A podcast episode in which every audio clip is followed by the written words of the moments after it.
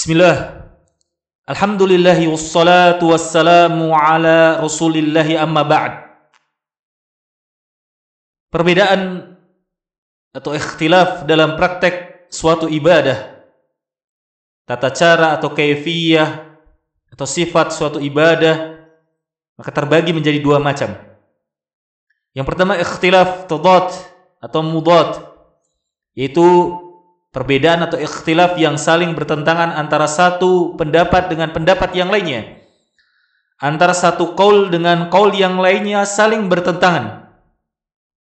Adapun jenis yang kedua adalah ikhtilaf tanawu. Tanawu yaitu ikhtilaf atau perbedaan yang tidak saling bertentangan antara satu kaul dengan kaul yang lainnya. Antara antu sifat, antara satu sifat atau kefiah satu dengan yang lainnya. Atau bisa kita katakan adanya variasi pada sifat atau kefiah suatu ibadah.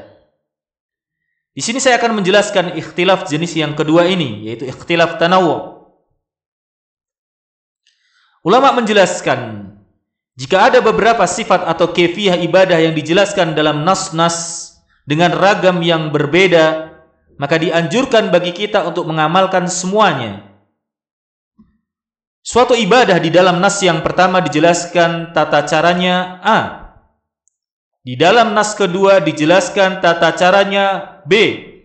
Dan di nas ketiga dijelaskan tata caranya C.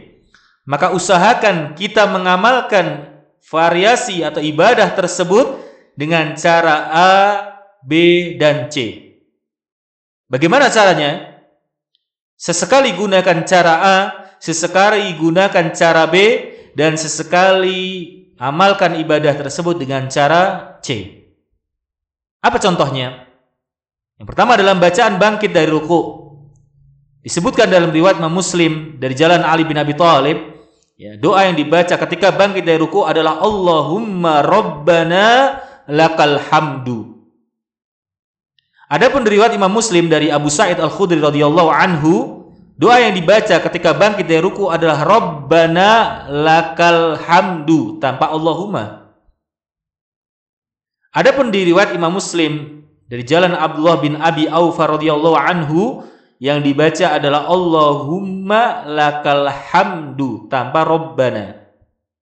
Adapun di riwayat Imam Bukhari Doa yang dibaca adalah Rabbana walakal hamdu hamdan kathiran taiban mubarakan. Di situ ada tambahan kata-kata wa. Rabbana walakal hamdu. Di mana di riwayat-riwayat sebelumnya tadi yang kita sudah kita baca tidak ada kata-kata wa. Nah, ini adalah ikhtilaf yang beragam dari nas-nas yang berbeda dan semuanya sahih. Tidak ada hadis yang dhaif dalam hal ini maka semuanya bisa dibaca. Contoh yang kedua adalah doa istiftah. Di riwayat Imam Bukhari dan Muslim dari jalan Abu Hurairah radhiyallahu anhu, doa istiftah yang dibaca adalah Allahumma ba'id baini wa baina khotoyaya sampai seterusnya. Adapun di riwayat Imam Tirmidzi di jalan Aisyah radhiyallahu anha, Doa istiftah yang dibaca adalah subhanaka Allahumma wa bihamdika wa tabarakasmuk wa ta'ala jadduk wa la ilaha ghairak.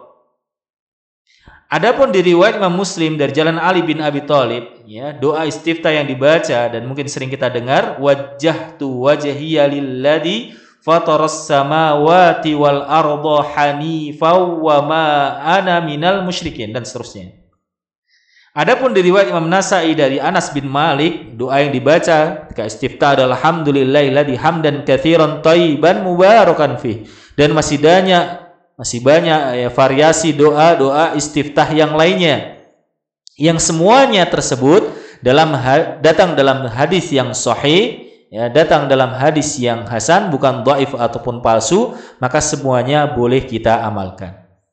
Contoh yang ketiga adalah posisi tangan ketika takbir. Ada yang sejajar pundak dan ada yang sejajar telinga. Maka kita amalkan kedua-duanya. Terkadang kita bertakbir dengan mengangkat tangan sejajar pundak dan terkadang kita angkat tangan kita sejajar dengan telinga. Mungkin ada yang bertanya, apa manfaat kita dari mengamalkan berbagai variasi atau tata cara atau sifat atau kefiah suatu ibadah tersebut? Yang pertama, menjaga sunnah atau menghidupkan sunnah yang terkandung di dalam nas-nas tersebut. Jika nas-nasnya memang bukan nas yang doif, apalagi palsu, maka dengan kita mengamalkan masing-masing yang terkandung dalam nas-nas yang berbeda tersebut, maka ini menghidupkan dan menjaga sunnah itu sendiri. Adapun yang kedua, lebih menguatkan niat kita atau lebih tepatnya menghadirkan niat kita dalam mengerjakan ibadah tersebut. Dicontoh ketika kita hendak sholat, maka kita akan berpikir dan berencana. Nanti ketika saya sholat, baca doa istiftah, doa yang mana ya? Nah, ketika saya bangkit dari ruku, saya mau baca doa yang mana? Maka ini akan lebih apa? Menyibukkan hati kita untuk lebih khusyuk kepada Allah Subhanahu wa taala.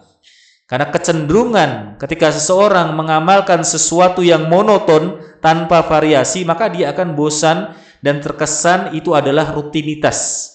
Dan ibadah jika sudah termenset rutinitas maka akan menjadi suatu kebiasaan dan nilai hilang nilai ibadah tersebut. Dan yang ketiga lebih bisa mengamalkan syariat semuanya secara secara utuh. Semoga bermanfaat dan mari kita hidupkan sunnah-sunnah Rasulullah SAW dengan mengamalkannya.